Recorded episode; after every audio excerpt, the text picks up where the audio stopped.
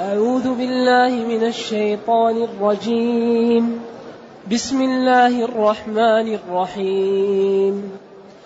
قل للذين كفروا ستغلبون وتحشرون إلى جهنم وبئس المهاد. قد كان لكم آية في فئتين التقتا.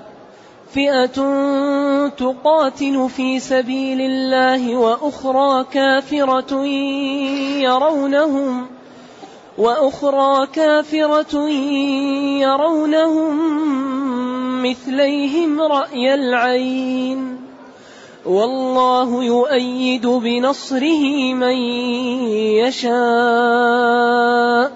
إن الله على كل شيء إن في ذلك لعبرة لأولي الأبصار. زين للناس حب الشهوات من النساء والبنين والقناطير المقنطرة والقناطير المقنطرة من الذهب والفضة والخيل المسومة والأنعام والحرث ذلك متاع الحياة الدنيا والله عنده حسن المآب. الحمد لله الذي أنزل إلينا أشمل كتاب وأرسل إلينا أفضل الرسل وجعلنا خير أمة أخرجت للناس فله الحمد وله الشكر على هذه النعم العظيمة والآلاء الجسيمة والصلاة والسلام على خير خلق الله وعلى آله وأصحابه ومن اهتدى بهداه. أما بعد فإن الله تعالى يبين أن نصر الجماعة القليلة في مقابلة الجماعة الكثيرة أن ذلك فيه آية وفيه برهان على حفظ الله لهذه الجماعة القليلة ونصره لها. ويكون هذا آية وبرهان على صدق هذا الرسول وعلى أن هذا الدين صحيح. قد كان لكم قد حرف تحقيق. كان لكم أيها المشاهدون والمخاطبون في فئتين التقتا. كان لكم آية وبرهان في فئتين التقتا. فئة تقاتل في سبيل الله وأخرى كافرة يرونهم مثليهم رأي العين أو ترونهم مثليهم رأي العين. والله يؤيد بنصره من يشاء إن في ذلك لعبرة لأولي الأبصار. هذا المقطع هو تخويف لليهود وبرهان لهم ولكن اليهود ناس لا يتعظون.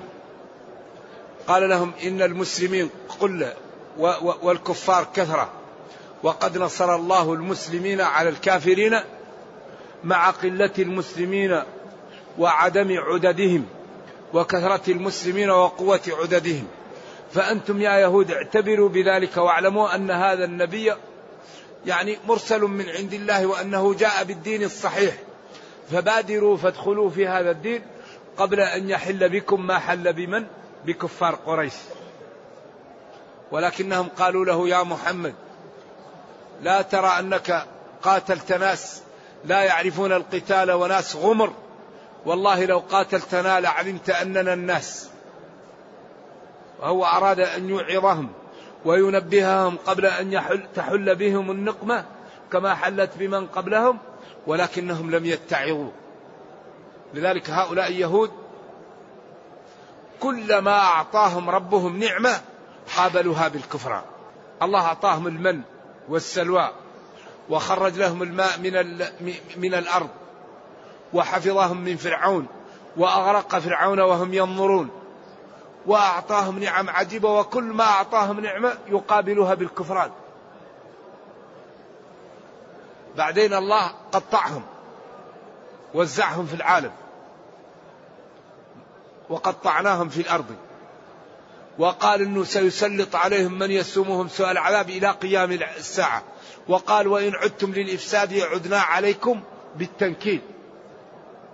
قال وإذ تأذن ربك ليبعثن عليهم إلى يوم القيامة. من يسومهم سوء العذاب. وقال وإن عدتم عدنا. ثم بعضهم جعلوا قردة وبعضهم جعلوا خنازير. وسلط عليهم من يسومهم بخت نصر.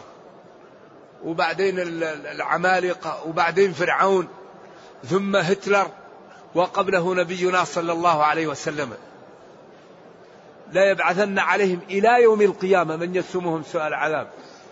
وبعدين يقول كلما عاهدوا عهدا نبذه فريق منهم. فاليهود قوم عجيبين إذا هذا الكلام وهذا الأسلوب في أغلبه عيب لليهود وتخويف لهم الذين كانوا بين ظهراني النبي صلى الله عليه وسلم.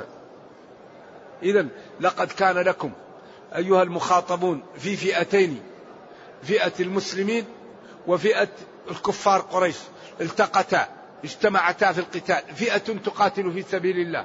وهم محمد صلى الله عليه وسلم وجنده. وأخرى كافرة. قريش يرونهم مثلهم أو ترونهم مثلهم رأي العين. هنا للعلماء أقوال كثيرة. وأظهرها أنهم أولا لما رأوهم رأوا المسلمين الكفار مثليهم فقط. هم 950 رأوهم كأنهم 600 مثليهم. فلما التحم القتال رأوهم كأنهم مئة أو سبعين. والمسلمون لما رأوهم الكفار أول رأوهم كأنهم قلة. فلما التحم القتال رأوهم كأنهم مثليهم ألفين. إذا كان التقليل في الأعين قبل القتال لتتجاسر كل طائفة على الطائفة الأخرى. ولما وقع القتال كثر المسلمين في أعين الكفار وقلل الكفار في أعين المسلمين ليقع الضعف في عضد الكفار وتقع القوة في إيش؟ في, في المسلمين. ويقللكم في أعينهم أولا ليقضي الله أمرا كان مفعولا. فليتجرأ هؤلاء وهؤلاء أولا قلل الجميع في أعين الجميع فلما التحم القتال قلل الكفار في أعين المسلمين وكثر المسلمين في أعين الكفار. إذا قد كان لكم آية أي برهان وحجة في فئتين التقتا اجتمعتا في القتال فئة تقاتل في سبيل الله جماعة تقاتل في سبيل الله وهم المسلمين. وأخرى كافرة كفار قريش يرونهم مثليهم رأي العين. والله يؤيد بنصره من يشاء. الله جل وعلا يؤيد ويقوي بنصره من يشاء من خلقه. ولكنه لا يؤيد إلا من استقام على دينه. لأن من شروط التأييد الاستقامة. أما الذي يؤيد من غير استقامة فهذا ليس التأييد هذا استدراج. إذا كان الإنسان على المعاصي وعلى الذنوب وتعطى له النعم هذا استدراج. هذا يراد أن يقع أن يقع به. أما المسلم إذا كان مستقيما وأعطيت له النعم هذا إن شاء الله يعني دلالة على الخير وما يدخر له أكثر. وأخرى اللي هم يرونهم مثليهم أو ترونهم مثليهم هل الخطاب للكفار أو للمسلمين أقوال للعلماء؟ وهل الأسلوب هنا لأن ترونهم ويرونهم كلها قراءة قراءة سبعية وصحيحة. والله جل وعلا يؤيد يقوي من الأيد والأيد هو القوة. والسماء بنيناها أي بقوة بخلاف بما خلقت بيدي. هذه صفة اليد لله بل يداه مبسوطتان. ولكن السماء بنيناها بأيد أي بقوة. والله يؤيد بنصره يقوي بنصره من يشاء من خلقه. و و ومن أسباب التأييد أن يستقيم المسلمون على الدين وأن يعدوا ما يستطيعون. فلا يمكن أن يقوم النصر للمسلمين إلا بالإعداد والاستقامة. فإذا أعدوا ما يستطيعون ولو عصا واستقاموا على الدين ربهم ينصرهم. لكن إذا كانوا يستطيعون أن يعدوا ولا يعدوا أو لم يستقيموا على الدين لا ينصروا. إذا أصول النصر في ركنين. الركن الأول الاستقامة. ولينصرن الله من ينصره.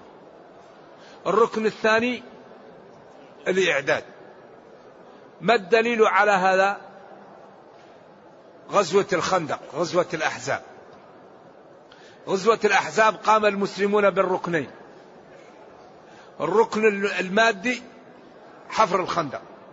الركن المعنوي أيوة ما زادهم إلا إيمانا وتسليما. هذا ما وعدنا الله ورسوله وصدق الله ورسوله وما زادهم إذا ما داموا قاموا بما طلب منهم الله كفاهم أعداءهم. فأنزل الملائكة والرياح وهزم الأحزاب وامتن على المسلمين وقال جل وعلا يا أيها الذين آمنوا اذكروا نعمة الله عليكم إذ جاءتكم جنود فأرسلنا عليهم ريحا وجنودا لم ترها. إذا ينبغي لنا أن نشيع بيننا عناصر النصر. أعدوا اثبتوا ولا تنازعوا وتعاونوا. هذه الأوامر لا بد ينتبه منها. إذا إن الله الآية إن في ذلك لعبرة لأولي الأبصار. إن في ذلك النصر للفئة القليلة والهزيمة للفئة الكبيرة عبرة واعتبار ومعتبر وانتباه لأصحاب البصيرة. لأصحاب العقول وأصحاب الفهم الذين يعني يقيسون الأمر بالأمر ويستفيدون مما يقع.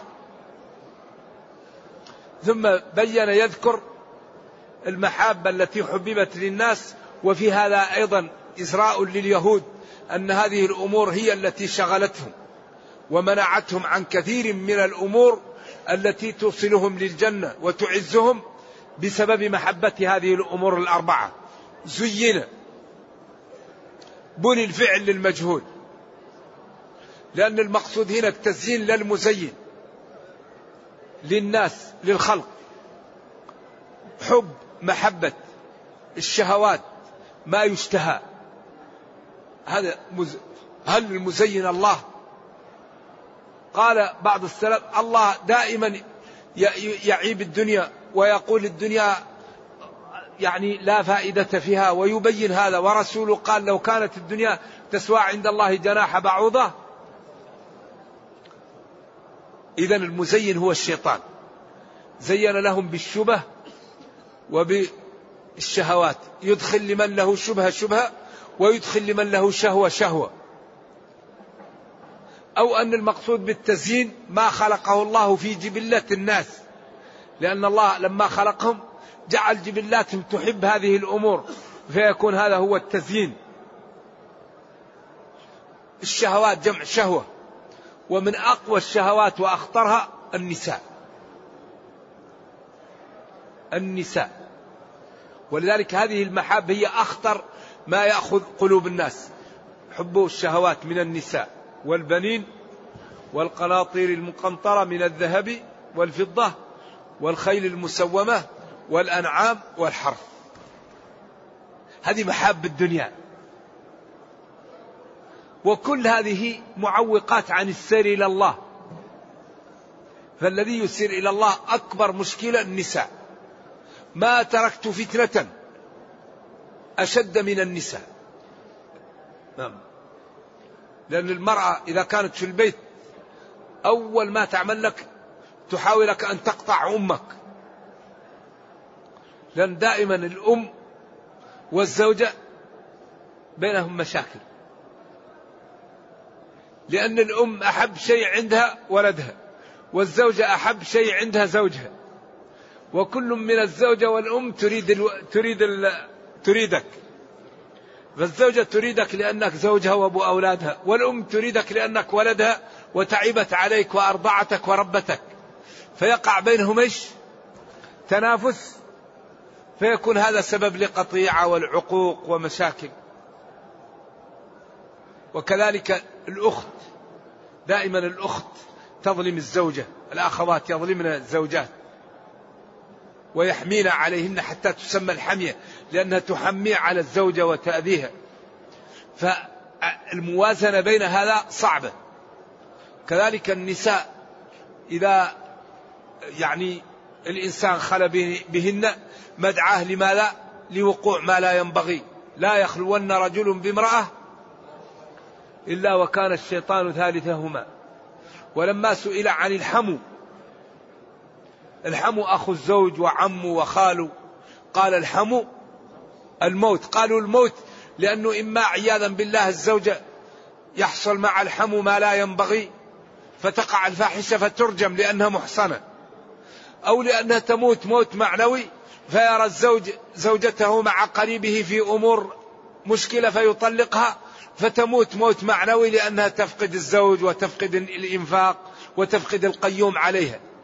فالحمو موت إما بأنها تقع في الفاحشة فترجم أو يراها الزوج فيما لا ينبغي فيطلقها فتبقى بدون زوج وبدون قيوم. فهو إما موت حسي أو موت معنوي. لذلك ولذلك قال صلى الله عليه وسلم ما رأيت من ناقصات عقل ودين أذهب بلب الرجل الحازم من إحداكن. وحواء رضي الله عنها قالت لآدم ماذا؟ كل من الشجرة. هو جاءهم الشيطان حتى أكل من الشجرة. هي تريد أن يبقى ولكن كان في ذلك ما ذكر الله تعالى في القرآن. ولكن النبي صلى الله عليه وسلم قال إن النساء خلقن من ضلع وإن أعوج الضلع أعلاه إن أردت أن تقيمها كسرتها. فاستوصوا بالنساء خير فإنهن عوان عندكم. أي أسيرات لا يكرمهن إلا كريم ولا يهينهن إلا لئيم. خياركم خياركم لأهله. إذا زين للناس حب الشهوات من النساء. النساء محببات ولذلك ينبغي للمسلم أن يحذر من النساء. ولا يقرب إلا الزوجة ولا يدخل إلا على المحارم والمحارم 18 على التأبيد أما ثلاثة يحرمن ولسن بمحارم. سبعة بالنسب وسبعة بالرضاء وسبعة بالمصاهرة. هذه المحرمات. حرمت عليكم أمهاتكم وبناتكم وأخواتكم وعماتكم وخالاتكم وبنات الأخ وبنات الأخت. يحرم من الرضاع ما يحرم من النسب. كم هذا أم الزوجة وبنت الزوجة المدخول بأمها.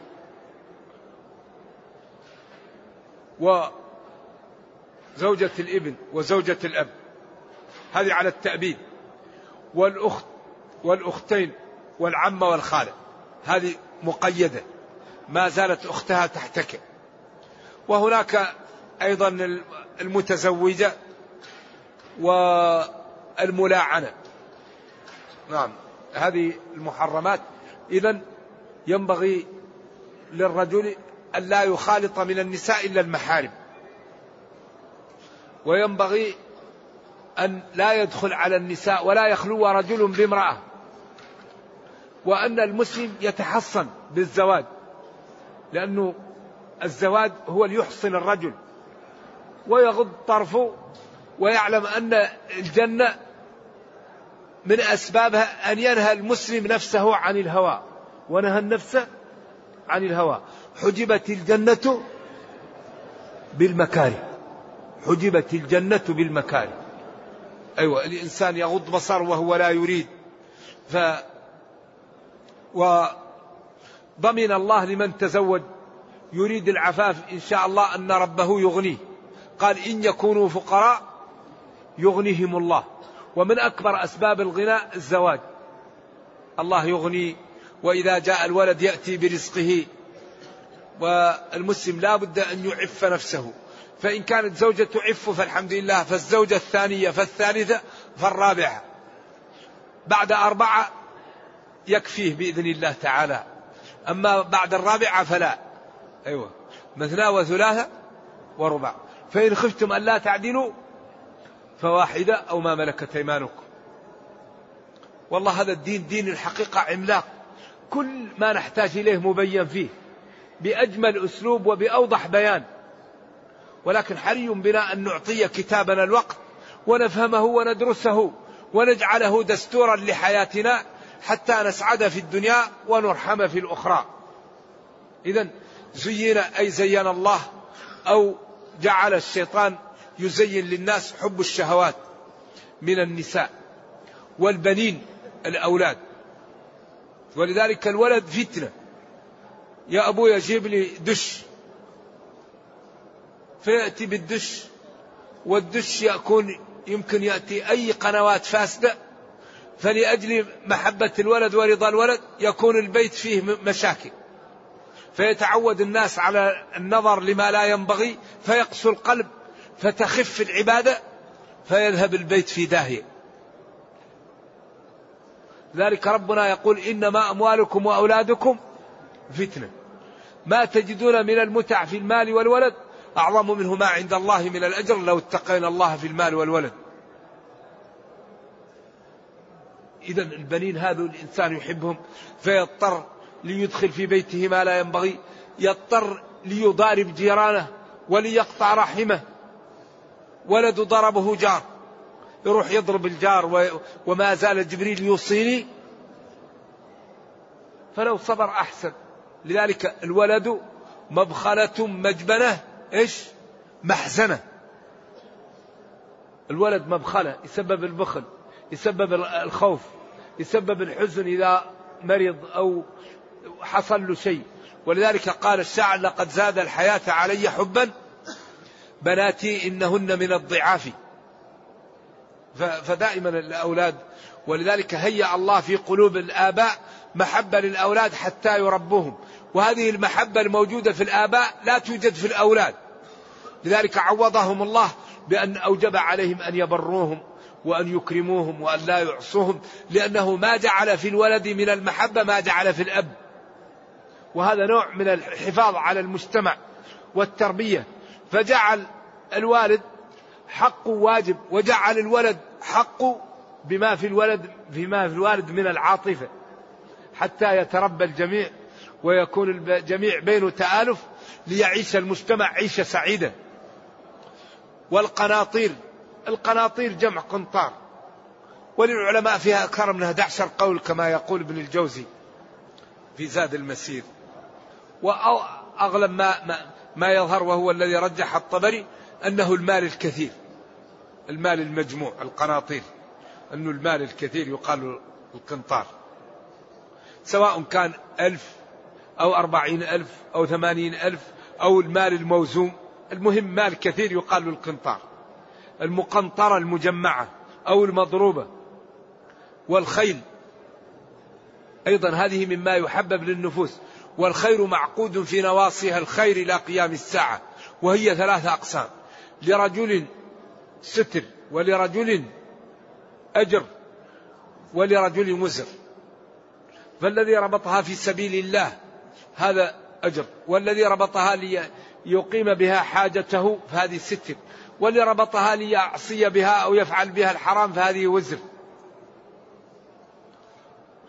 المسومة قيل المعلمة وقيل السائمة وهذا أكثر أقوال المفسرين السائمة من السوم والذي يظهر أن المسومة هي التي علمت فيها علامة وجميلة وهيأها صاحبها للغزو. كأنها علمت بعلامة جعلتها أجمل من غيرها وجعلتها أحسن من غيرها وأعدها صاحبها للغزو. إذا المسومة هي التي علمت وجملت إما بشيء فيها أو لأنها هيئت للغزو وأصبحت علامة لها لذلك. والأنعام النعم تقال للإبل والأنعام تقال للإبل والبقر والغنم المعز والضأن. ثمانية أزواج من الضأن اثنين ومن المعز اثنين بعدين ومن الإبل اثنين ومن البقر اثنين. نعم هذه هي الأنعام. وقد تقال الأنعام أيضا على سبيل التبع للخ... ل... ل... للوحوش كالغزلان وكالمهاء. وكأنواع الوحوش بأنواعها قد يطلق لها أنعام. حلت لكم بهيمة الأنعام. على قول أنها هي من الأنعام أو تبع للأنعام. والحرث. كذلك الزروع بأنواعها. ذلك هذه المذكورات التي حببت للناس. متاع. والمتاع هو ما يستعمل وينتهي. هذه الأمور المحببة هي زائلة وإنما النفع والفائدة فيما يذكر بعد هذا. والله عنده حسن المآب. والله جل وعلا عنده لمن استقام وامتثل أمره واجتنب نهيه. حسن المرجع وهو الكرامة يوم القيامة والجنة والعزة في وقت يكون فيه التغابن. نرجو الله جل وعلا أن يجعلنا وإياكم من المتقين. إنه خير مسؤول والقادر على ذلك. وصلى الله وسلم وبارك على نبينا محمد وعلى آله وصحبه. والسلام عليكم ورحمة الله وبركاته.